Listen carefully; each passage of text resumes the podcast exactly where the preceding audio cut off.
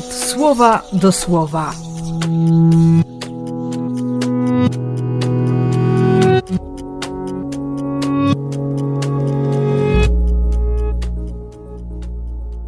Czternasty grudnia, czwartek.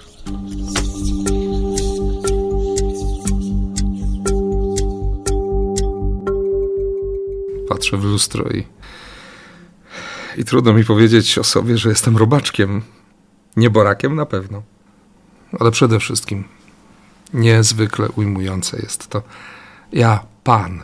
No właśnie, ten bliski, ten najbliższy, ten ciągle skracający dystans. Ja Cię ująłem i mówię Ci, nie lękaj się. Chcę Ci pomóc. Wspomagam Cię. Jestem Twoim odkupicielem.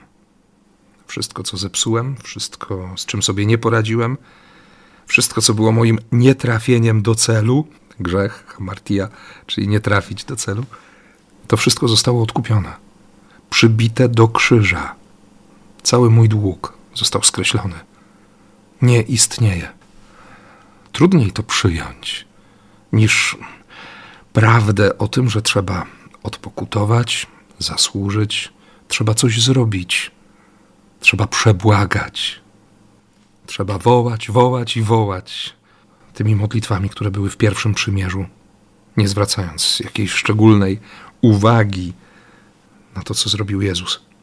Na to, że kiedy Bóg da się położyć w żłobie, to właśnie po to, żeby, żeby przypomnieć, żeby pokazać, że, że czeka na nas. On, który jest źródłem, nasyceniem, który jest wszystkim.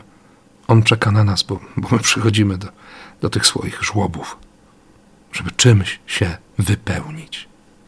A później to nowe powołanie, by się rozradować, by być obrazem radości Boga. Ha. No Jan Chrzciciel do końca tego nie rozumiał. Był największym prorokiem pierwszego przymierza. Może konkuruje o pierwsze miejsce z Mojżeszem czy Eliaszem, ale to już nieistotne, bo najmniejszy w Królestwie Niebios jest większy od Jana.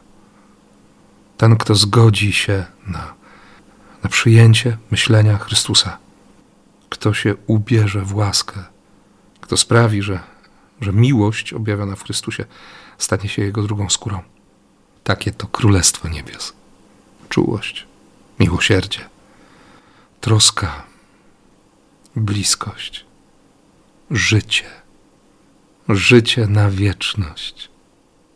Życzę Ci tego życia i błogosławię w imię Ojca i Syna i Ducha Świętego. Amen.